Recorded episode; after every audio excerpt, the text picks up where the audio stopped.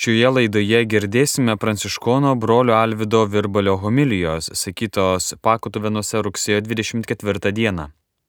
Taip pat tą dieną sukako 80 metų Pakutuvenų Šventojo Antano paduviečio bažnyčiai.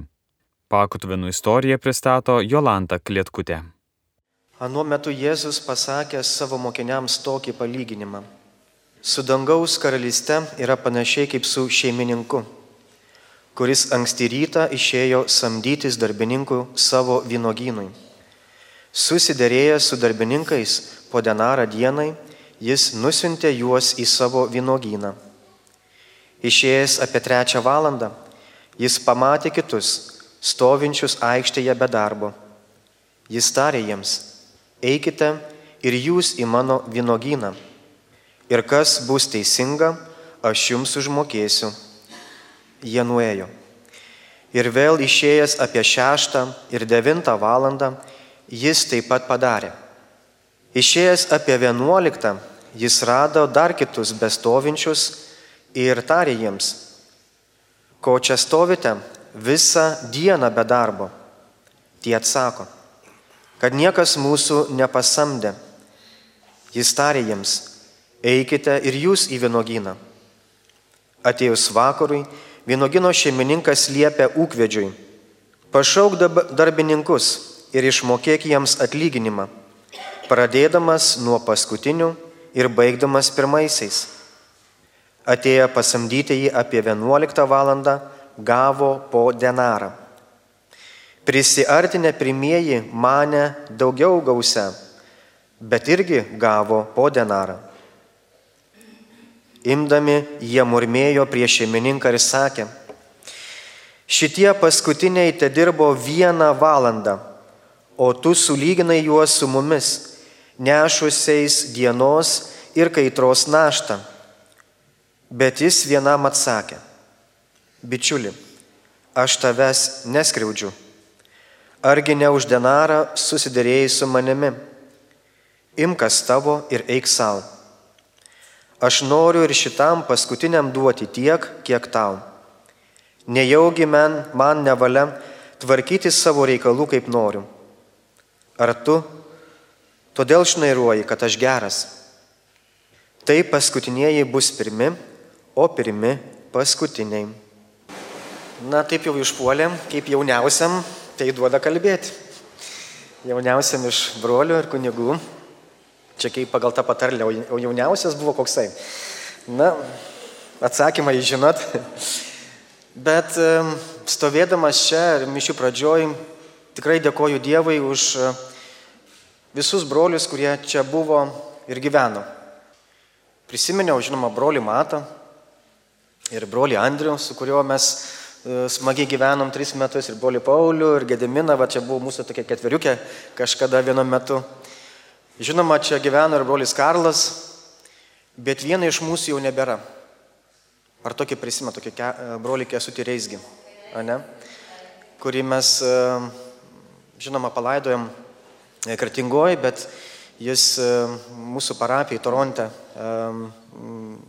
mirė, tarnaudamas tenais.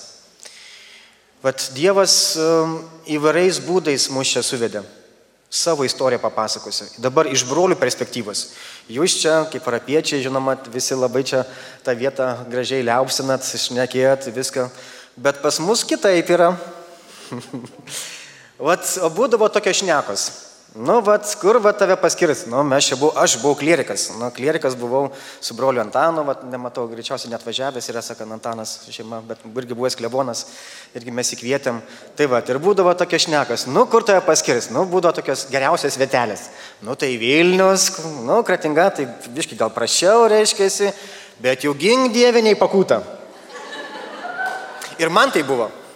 Aš jau, reiškia, paskutinio kurso klierikas e, seminarai ten Anglijoje baiginėjau ir Kaune mes ten baigiam. Nu ir galvoju, kad tik tais manęs nepaskirtai pakūta, kad tik tais neįpakūta, reiškia, pabaigus seminarą ir panašiai. Nu ir taip gavosi, reiškia, nepaskyrė. Vat mano pirmoji parapija gavosi Vilniaus Bernardinų. Bet čia taško nepadėsiu. O tai toks metas, lygiai prieš dešimt metų, lygiai prieš dešimt metų, kai iš pats e, tuometiniam mūsų ilgamečiai provinciolui Astijai parašiau prašymą Astijau, tik į pakūtą, daugiau niekur. Tik čia, daugiau niekur, nes mano ir tikėjimo, ir, kaip sakyt, pašaukimo kelioniai tikrai buvo didžiausia, nu, didžiausia krizė, kokią aš esu turėjęs. Ir e, man šita vieta buvo kodėl svarbi? Nes čia buvo broliai. Andrius, va, su tais, kuriais mes gyvenom, Gediminas, Paulius. Žinoma, kartais mūsų spontaniškai vykdavo planavimai, prie kurių aš nesupratęs. Mano gyvenime turi būti viskas suplanuota, surašyta A, B, C, D, F, G. Nu, tiesiog aš esu toks žmogus, kur, kuriam reikia man tokios vat, aiškios abecėlės. Turėjau ir prie to priprasti. Bet e, tikiu sakant, kad tai e, buvo ir yra šventosios dvasios veikimas, kuris mums pranciškonams labai aiškiai pasireiškia. Va žmonės galvoja, kaip čia dabar ta šventoji dvasia veikia. O mums labai aišku, pasako viršininkas provincijolas ir šventoji dvasia. Ir tai taip yra, mes iš tiesų žinom, kad Dievas veda per mūsų tuos žmonės, e, kurie yra na, šventosios dvasios tarnystėje vienai ir kitai paskirti. Gerai, bet dabar truputį žvilgtakim E, iš tiesų, ką Jėzus šiandien sako ir kalba. Vėl grįžtam prie tos e, Jėzaus kalbos ir vieno iš esmingiausių Jėzaus mokymų. Jėzus naudoja palyginimus kaip įrankį perteikti labai svarbę žinią. Ir šiandien, kas svarbu galvoti, Jėzus šiandien kviečia mus pagalvoti, kaip mes, turim, kaip mes neturim galvoti apie dangų. Kaip mes neturėtume galvoti apie dangų. Arba kitaip tariant, iš čia sudėlioja, na, dangiškos ekonomikos dėsnius. Kalba Jėzus čia apie darbininkus, apie pinigus, apie darbo užmokestį. Ir galim sakyti, parašo čia, na, kažkokią prasme, darbo kodeksą. Kiekvienam, kuris, na, yra jo vynoginė. Turim prisiminti, ką reiškia vynoginas. Vynoginas tai yra Izraelis, tai yra Dievo išrinktoji tauta. Pats Dievas išsirenka ir mes visi, kurie esam Jėzaus mokiniai, esam to vynogino na, šakelės arba na, dalis bendruomenė. Ir kai ką čia Jėzus pamokina. Žiūrėkit, e, yra šeimininkas, kuris nuo pat ryto, nuo 6 val. ryto, nuo tada, kada Izraelė teka saulė, kviečia žmonės, darbininkus į, į darbą. Vat vienus pakvietė 6 ryto, kitus pakvietė 12 val. dienos, kitus pakvietė 3 val. po pietų, 15 val. vat mums žinoma, o kitus pakvietė prieš pat darbo dienos pabaigą. Nu, kada mes dažniausiai baigiam darbą, bent jau aš, nu, tai vat 5 val. 5 val. ar ne vakare. Ir sudarėjo darbo užmokestį. Labai normalus tuo metu buvo normali praktika. Gauti vieną denarą, tai reiškia vieną sidabrinį romėnų piniginį, piniginį vienetą už dienos darbą. Tai buvo labai normalus darbo užmokestis e, darbuojantis ūkija. O vynoginė tikrai yra, sakant, nu, nemažai reikalų. E, ir vat, e, puikus metas, kada bažnyčia vat, patikė šitą skaitinį, rugsėjo mėnesį, kada na, vynogės yra ir skinamas. Na, va, netgi šiuo metu vat, e, vynogės yra skinamas. Ir kas čia įvyksta? Ir kaip mes neturim galvoti apie dangų? Turim žvilgti į šito palyginimo pačią pabaigą. Tai vad, priminsiu, e, darbininkų, kurie darbavosi nuo 6 val. ryto, jų pozicija. Žinoma, manau, kad normalu, tie žmonės tikrai tikėjusi gauti gal 12 kartų daugiau negu tas žmogus, kuris gavo e, denarą, dirbdamas tik vieną valandą. Bet ką jie po to reiškėsi, sakė ir kaip jie, kaip jie murmėjo, sako reiškėsi. Šitie paskutiniai te dirbo vieną valandą, o tu sulyginai juos su mumis, nešusiais dienos ir kaitros naštą. Murmėjimas, nepasitenkinimas nepasitenkinimas. Šiandien, pažiūrėję mūsų Lietuvos darbo kodeksą, visiškai netitinka. Mes ką sakom?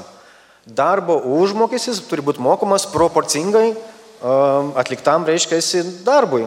Nu, taip sako, bent jau šiandienos darbo kodeksas Lietuvos atsivertęs, nu, man reikia jį žinoti, kadangi kasdienybė mano tokia yra. Visiškai ne taip. Ir jeigu aš taip pasielgčiau su savo mokytojais, tai iš karto būčiau, nežinau, sakant, po teismus užtampytas. Jėzaus arba dangiška ekonomika, aritmetika netokia. Žiūrėkit, krikšto metu kiekvienas iš mūsų esam pašauktas būti ten, būti dangaus karalystėje. Ir Jėzus pasako labai gražių žodžių, sako, aš esu kelias. Mes, kiekvienas žmogus, norim to ar nenorim, suvokiam ar nesuvokiam, einame dangaus karalystę. Ir jeigu Jėzus sako, kad aš esu kelias, tai jau pati kelionė yra dangus. Jau pati kelionė, netgi čia, jau yra dangus, nes Jėzus yra kelias. Jėzus yra dangus. Jėzus yra vienybė. Tai va jau šiandien čia mes valgome vaisius, dangaus karalystės vaisius. Žiūrėkit, kas vykstant ant šito altoriaus. Valgom Jėzų, geriam jo kraują.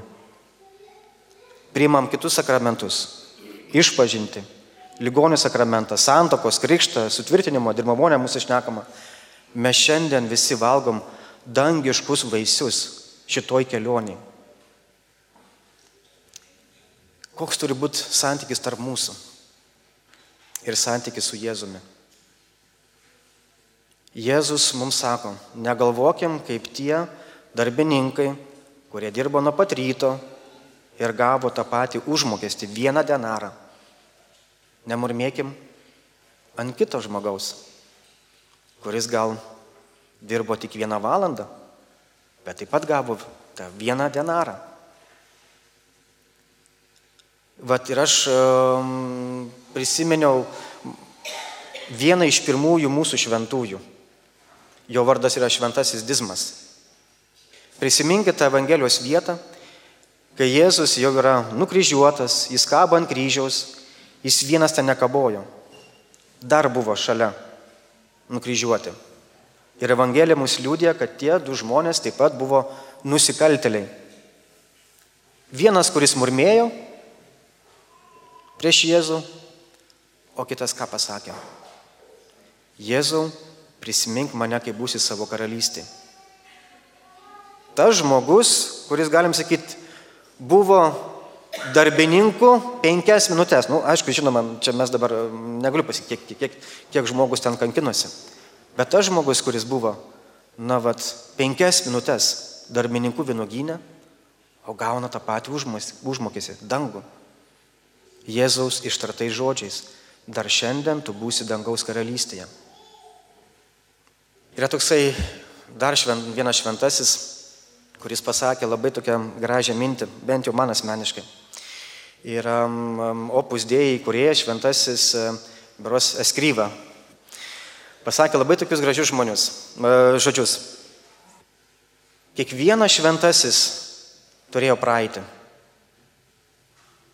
ta praeitis nebūtinai yra šlovinga. Paskaitę įvairių šventųjų gyvenimus rastume uh, nuodėmingų dalykų. Bet taip pat tas šventasis eskryva taip užbaigė. Ir kiekvienas nusidėlis turi ateitį. Tai šiandien šita evangelija yra vilties žodis kiekvienam iš mūsų.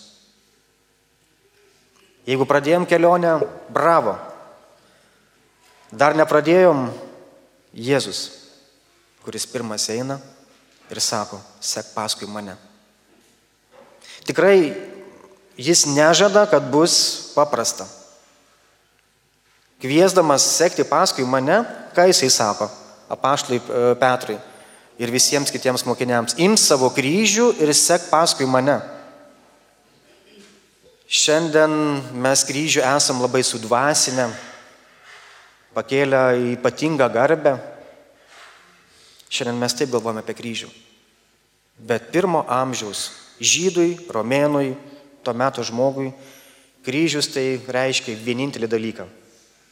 Na, elektros kėdė.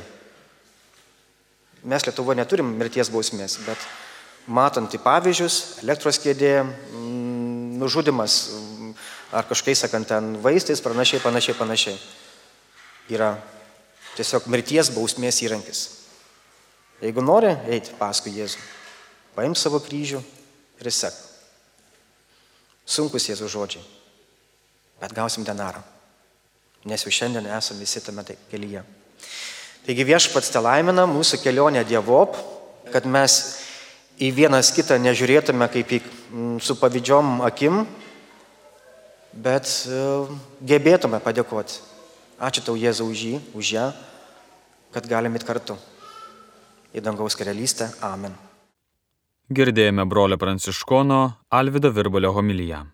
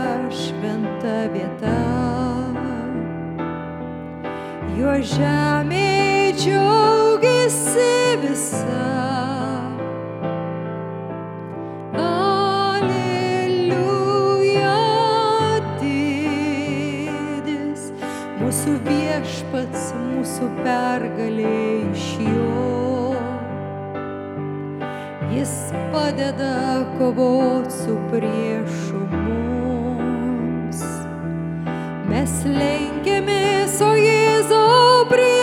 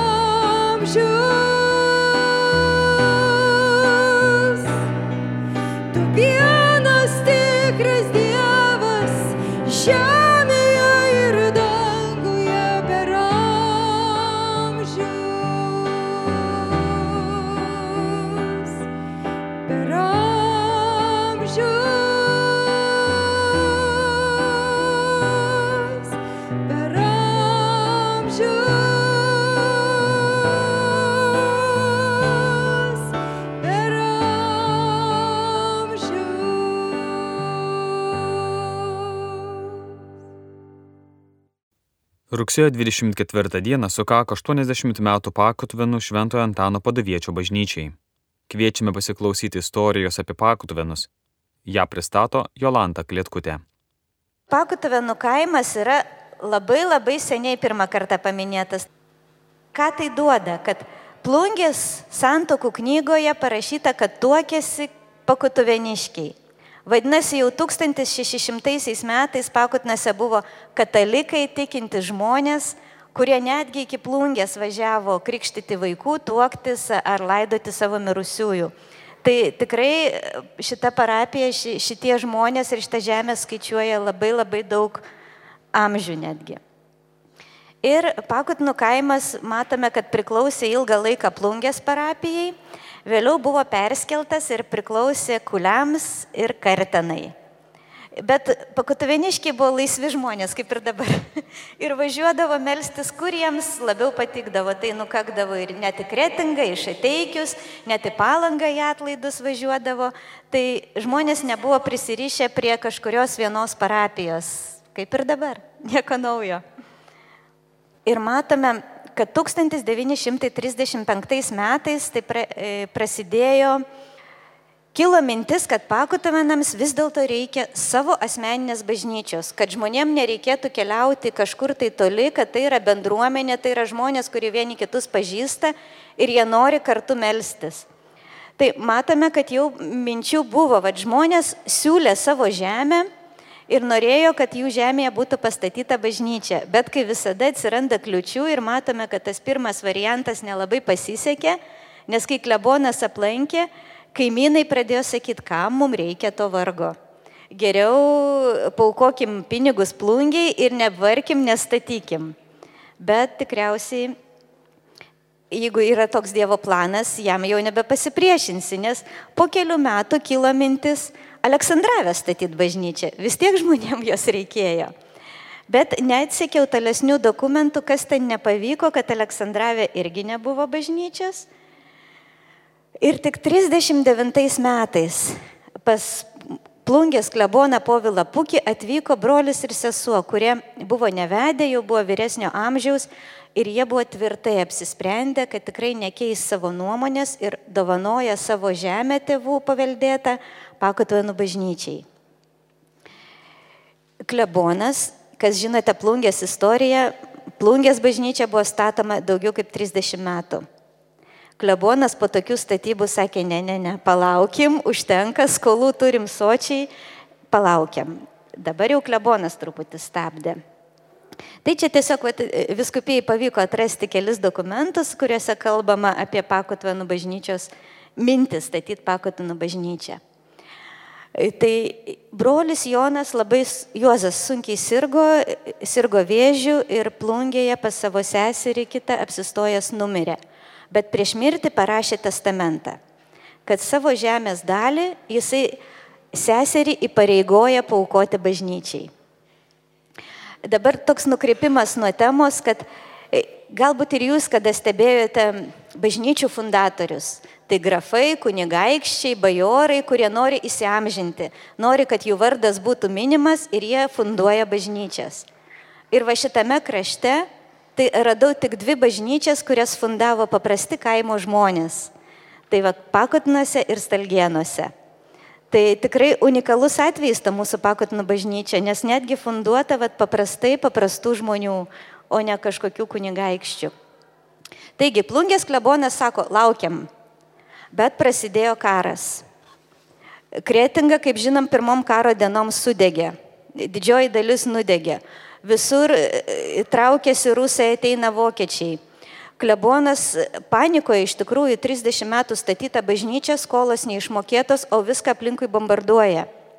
Ir plungės klebonas Povilas Pukys meldžiasi Dievui ir pasižada, kad jeigu išliks plungės bažnyčia, jeigu nebus subombarduota, pasižada Pakostavanose pastatyti bažnyčią Švento Antano garbiai. Nu ir plungiškiai gali paliudyti, kad plungiai išliko, bažnyčia išliko ir tikrai karas nepaliko labai didelių nuostolių plungėje. Klebonui nieko nebeliko daryti, kaip tik tai vykdyti pažadą. Ir žmonės vatidomės istorijas prisimena, kad vis dėlto norėjo užsitikrinti. Ir po kaimą vaikščiojo, po aplinkinius kaimus vaikščiojo vertėjas, keli vokiečių kareiviai, nes buvo vokiečių valdžia, ir klausinėjo žmonių, darė tokią statistiką, ar reikia bažnyčios. Ir visi vienbalsiai atsakė, reikia. Ir Toliau jau Telšių viskupijos kūrėje tikrai yra nemažai dokumentų, susirašinėjimų apie tai, kad e, klebona įpareigoja statyti Pakotvenose bažnyčią ir sudaryti sutartį su Justina Stroputė, kadangi brolis jau buvo miręs. Irgi nežinau tų įstatymų peripetijų, kurios tuo metu buvo, dovanoti žemės bažnyčiai nebuvo galima. Tai išsprendė e, tokiu variantu, kad žemė išnuomoja su visų pastatu, su visais ūkiniais pastatais išnuomoja bažnyčią, bažnyčiai. Ir Justinas Troputė savo tik tai pasiprašė vieno nedidelio kambarėlio, rūsio, čia va toj sutartį mes matome e, nedidelio daržo ir pati iki kiek pajėgė vaikščioti, ji pati tarnavo bažnyčioje ir pročkelė, ir valytoje, ir ko tik nori, jinai dirbo. Ir ji palaidota šitose mūsų kapinėse, tai va, kai keliausit namo, aplankykit kapą ir tikrai padėkokit už tai, kad jos dėka mes turim šitą bažnyčią. Jos pirmasis žingsnis buvo padarytas. Toliau, kai išnuomojo, išnuomojo žemę, susirinko pas Justiną Stroputę viso kaimo žmonės ir kaip matome čia aprašyta ir aplinkinių kaimų žmonės ir dar kartą kreipėsi į kūriją, kad jie pasižada savo lėšomis, savo darbu statyti bažnyčią. Tai va matome netgi rankraštinį, kad žmonės patys įsipareigojo, kad jiems reikia tos bažnyčios. Ir jau kurijoje yra raštas, kad netgi buvo patvirtintas komitetas su visom pavardėm žmonių. Dabar kas įdomu, toks pastebėjimas, kad kai architektas braižė Pakotovino bažnyčios projektą, ar pastebit atitikimų? Plungės kapinių koplyčia, tai greičiausiai norėjo architektas kažko panašaus, galbūt labai gražinai pasirodė ir labai panašią suprojektavo mūsų Pakotovino bažnyčią. Bet žinome, kad statybos tęsiasi ne vieną dieną ir ne kelias dienas, O žmonių renkasi, žmonės jau nori melstis savo parapijoje. Pirmą rinkosi klebonijos kambarį ir ten melsdavosi, bet vietos pasidarė per mažai. Ir tada plungiškiai sugalvojo padaryti dar vieną dovaną. Kadangi pastatyta nauja bažnyčia, turėjo daug patalpų, tai padovanojo pakotinams, bet matome čia už tos skulptūras, čia 37 metais dar stovėjo nuotraukoje, matome koplytėlę pas juos šventoriuje. Tai neįsivaizduoju, kokiu būdu visa ta koplytėlė buvo atvežta į Pakatvinus ir pastatyta kapini, kapinėse. Ir jinai dabar yra ta mūsų kapinių koplyčia. Ir šita koplyčia ir po šiai dienai tarnauja. Tikriausiai daug kas, kas buvote stovyklose, kas buvote e, Velykų liturgijoje, žinote, kad ten dažniausiai vyksta švenčiausio sakramento adoracija. Va, matom, kas darosi per stovyklas. Žmonės batus palieka, įžengia basomis ir štai, štai kiek žmonių į tą koplytėlę telpa. Ir koplyčios istorija tęsiasi ir šiais laikais. 2005 metais jinai vėl laiki, laikinai buvo tapusi bažnyčia, laikinai ten buvo aukojamos mišios, nes bažnyčia buvo remontuojama. Ir aišku, gražiausias vaizdas buvo, būna per vėlinės ir visus šventuosius. Tai irgi kviečiu aplankyti, pasivaikščioti ir pasidžiaugti. Bet grįžkim prie bažnyčios statybų. 42 metų gegužės 3 vyskupas Vincentas Borisevičius pašventino kertinį bažnyčios akmenį. Ir labai man buvo įdomu, kad žmonės pasakojo, kurie prisiminė, kad tų žmonių, tų vyrų ir tų kaimynų pavardės, kurie daugiausia dirbo, daugiausia aukojo, buvo surašytos ir įmūrytos po tuo kertiniu akmeniu. Tai va kažkur, nežinau kur, dar tebėra tas pavardės įmūrytas ir jie kaip ir yra su mumis ir mes melžiamės kartu su jais. Ir va matome, kad įrašytos netgi prisiminė žmonės kai kurias pavardės, kurie ten buvo įrašę. Ir man šitą nuotrauką labai simbolinė. Nežinau, kas ir kada sakė kažkokia moteris. Šitą nuotrauką įrėmintą atvežė ir paliko pakutuvėnų tvartelėje. Ir tai yra kažkas nerealaus, mes matom statybas, matom pastolius, matom dar bokštą be stogo ir žmogelį vat, kamputyje ten dengiantį stogą. O man kas labai simboliška, kad rūpiučio 7 yra mano gimtadienis. tai aš tai priėmiau kaip didžiausią dovaną iš tikrųjų. 42 metų Liepą pradėtos statyti bažnyčios sienos. Jau pradėjo kilti, jau ne tik pamatai, bet ir sienos. Ir 43 metų rugsėjai, matom, bažnyčia pastatė per pusantrų metų. Tai yra kažkoks, tai nu man tai yra fenomenas, stebuklas patys kaimo žmonės. Karo metai, nieko nėra, visur trūkumas. Kai paklausi žmonių apie karą, jie pradeda pasakot, kad net namie varinės rankenas ar žalvarinės rankenas uždažydavo liejinės dažais, kad vokiečių kareiviai nenusuktų ir neišsineštų, nes trūko visko, net metalo trūko. O dabar jeigu nukrypt kiek nuo temos pakutuvenų varpas, kuris dabar gaila, kad neskamba, jisai irgi yra nulietas pačių kaimo žmonių. Nešė šakutės, šaukštus, nešė va tas pačias rankenas su visais dažais, kad pakutuvenų bažnyčia turėtų varpą. Dėl to jisai galbūt toks nebalsingas, nes kaip mokėjo, taip ir nuliejo. Bet patys, savo rankomis ir iš savo lėšų. Ir lygiai taip pat statė bažnyčią. Kas ką galėjo, kas darbo jėga, vat, darbininkus maitindavo kiekvienas ūkininkas pailiui. Darbininkai buvo tie profesionalai, buvo samdomi, o savo jėga, savo arkliais, savo vežimais padėdavo kiekvienas kaip tik galėjo. Tai per pusantrų metų pastatyti tokią bažnyčią čia yra stebuklas tikrai. Netgi vokiečiai prisidėjo, davė geležinkelio sijas vietoj balkių. Ir čia pas mus vietoj balkių yra dabar paslėpta, bet yra geležinkelio bėgiai sudėti. Taigi, 43 metų, rugsėjo 26. Telšių vyskupas Vincentas Burisevičius, už kurį melžiamės, kad būtų paskelbtas šventuoju, kankinys, Ir būtent jis šventina mūsų bažnyčią. Tai yra irgi labai simboliška ir labai, bent jau man labai stipru. Ir šitoje nuotraukoje irgi vienintelę nuotrauką apie žmonės radau, bet mes matome vyskupą, matome ten po jo ranka pasislėpęs galvą, kukliai nuleidęs. Tai tuometinis klebonas Juozas Alšauskas ir matome patarnaujantį Joną Grigalauską ir dar vad kunigas Vladas Šlevas. Tai jeigu pasiskaitysit ir internete yra įdėta istorija, kiekvienas kunigas tikrai turi unikalią gyvenimo istoriją. Ir verta apie juos pasiskaityti ir pasigilinti. Šita nuotrauka iš tikrųjų mane išmušė iš vėžių ir iš kojų, kai aš ją pamačiau. Ir aš tą nuotrauką gavau tada, kai knyga jau buvo sumaketuota ir beveik, beveik atiduota spaudai. Bet tai man buvo sensacija. Aš pamačiau, kaip atrodė realiai pakutuvenai. Ne kaip yra dabar tušti laukai ir vieniša bažnyčia, bet kad tai buvo gyvas kaimas, didžiulis kaimas, pilna sodybų, pilna ūkinių pastatų, pilna.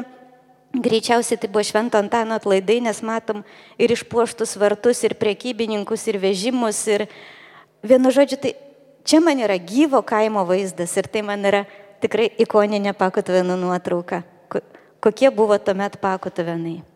Ir dabar truputį norėčiau prabėgti tokie, jum per prisiminimus galbūt ar per istoriją, kaip tie pakotuvenai atrodė. Štai matome nuo bal bažnyčios balkono nufotografuotas altorius. Čia jau vyksta laidotuvės, buvo iš senosios plungės bažnyčios, buvo paskolinti trys altoriai Ir jie vėliau buvo sugražinti atgal į, plungę. Dabar stovi plungės kapinių koplyčioje. Kas norite pamatyti realiai, gyvai, galit nuvažiuoti ir aplankyti ir pamatyti. Tai buvo švenčiausias mergelės Marijos altorius ir švento Juozapo šoniniai, o centrinėme buvo mūsų švento Antano paveikslas. Čia labai fainos nuotraukos, kad matosi, kaip atrodė sakykla šonė, va dabar, kur, kur stovi šlovintojai dažniausiai, tai ten stovėjo sakyklą. Ir iš tos sakyklos kunigas sakydavo pamokslą. Kadangi mikrofonų nebuvo, turėjo gerai girdėtis, tai turėjau aukščiau pasilipėti. matome Švento Juozapo altorių. Kodėl aš įdėjau šitą nuotrauką, nes kai pašventina bažnyčia, jai buvo paskirti ne vieneri Švento Antano, bet dviejai atlaidai. Tai buvo Švento Antano ir Švento Juozapo. Ir čia greičiausiai, va, kaip tik moteris puošė pavasarį Juozapo atlaidams tą altorių. O čia yra 9 1993 metų pakatuvenai kai aš pirmą kartą gyvenime atėjau į šią bažnyčią. Tai čia, čia jau fotografavau aš. Tai man tai buvo tikrai, gal jau daugam liūdėjau, kad mes ėjom piligriminį žygį, ėjom peščiamis iš Kretingos į Pakutuvenus. Ir aišku, atėjom labai pavargę, be kojų. Ir atėjom kažkur nuo karklėnų pusės ir kai pakilom į kalniuką, aš nukritau ant žolės, prosmilgas matau bažnyčią, tiksliau jos bokštą Ir viduje širdį toks jausmas, namo atėjau. Nors aš pati esu iš Vilnius, bet tas jausmas po šiai dienai neapleidžia manęs, kad tai yra mano namai. Ir 93 metais mes dar vat, matom tą patį seną vaizdą, tarp kitko po jūsų kojomis, po, po tomis medinėmis lentomis, tebėra dar tas pats betoninis, tos pačios betoninės grindis dažytos. 95 metais jau šiek tiek įgauna nuotraukos spalvų, tai čia toksai vat, paspalvintas jau vaizdelis. Nu, kaipgi nepaminėti to paveikslo, kuris yra išlikęs iš senosios plungės bažnyčios. Jisai pas mus tebėra ir kai buvo nuleistas žemynas, šį tyrinėjau ir ten yra dailininko parašas. Iš tikrųjų, jisai tapytas 1899 metais ir labai garsaus Vilniuje tapytojo Stanislovo Jarotskio. Tai tikrai turim unikalų bent jau dailės požiūrių paveikslą. Ir nuo 67 metų nulatinio klebono nebeliko, vis dėlto ta sovietinimo banga tęsiasi. Ir kai skaičiau Justinos Troputės testamentą, labai įdomiai jinai ten įvardinta - paskutinio Pakutuvenų kaimo gyventojo testamentas jinai paskutinė išliko čia. Visi, kas, kas pasitraukė karo metu, kas bėgo nuo trėmimų, kas pasitraukė, nes privertė melioraciją trauktis ir ji vienintelė išbuvo tiek, kiek tai buvo įmanoma, kiek leido valdžia. Tai ji paskutinė pasitraukė iš pakotvenų ir tada visos sadybos buvo numelioruotos.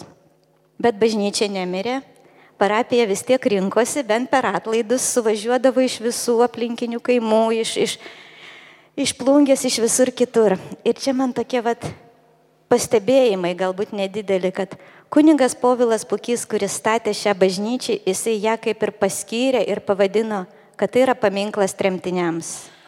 Nes būtent tie žmonės, turtingi ūkininkai, kurie ją statė, tie ir buvo ištremti daugiausia, kurie nespėjo pasitraukti. Toliau rašau paskutinis klebonas Jonas Lukošius. Tai ne, nerealiai paskutinis, bet sovietmečio paskutinis klebonas. Po jo nuolatinio klebono bažnyčia neturėjo, tik iš plungės atvažiuodavo. Ir kaip simboliškai jisai per vieną pamokslą pasakė, kad ateis laikas ir į Pakatinų bažnyčią bus nutiestas kelias ir į ją trauks žmonės iš visų pasaulio pakraščių. Beje, šito kelio nebuvo, jisai buvo užartas. Ir man tai yra kunigo, šito kunigo tai yra tikrai labai stipri pranašystė, nes ir kelią nutėsi, Ir mes visi čia esam.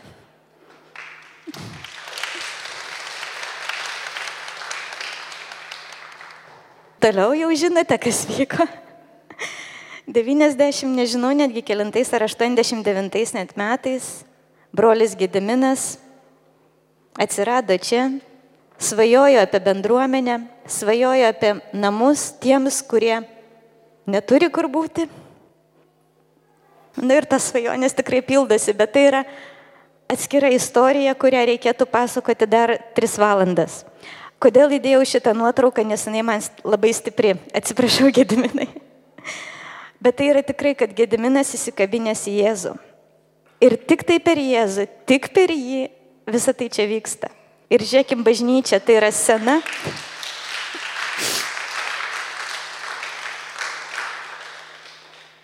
Ir mes matom nuotraukai bažnyčią ir seną, ir atnaujintą. Tai visa yra viena. Ir tai, kas buvo sena, ir tie, kurie statė, ir tie, kurie ištremti, ir tie, kurie mirė, Ir mes visi esame viena. Ir esame čia. Ir išpažįstame gyvų ir mirusių bendravimą. Mes jį tikime. Ir dabar tokie truputį prabėgimai, kai buvo tušti laukai, atsirado kelias, atsirado konteineriai, ariami laukai, tvartelis, tvenkinys, stovyklos, daržai, šiltnamiai. Daugėja, daugėja, daugėja. Ir daugėja, ir daugėja. Ir tai reikia, va, va dabar čia reikėtų pasakoti atskirą istoriją, tos 30 metų, kurias mes čia nugyvenom ir kurie patyrėm tikrai nepaprastai didelių dalykų. Kažkada su Gediminu kalbėjau, buvau prastai nusiteikusi, sakau, ai, tiek metų praleidau pakutvenuose, galėjau savo gyventi ramiai. Ir jisai man sako, bet tu matei Dievo darbus. nu, tikrai, tikrai reikia tik tai sustoti ir su, suvokti, ką aš mačiau ir kiek Dievas nuveikė šičia. Tai tik tai.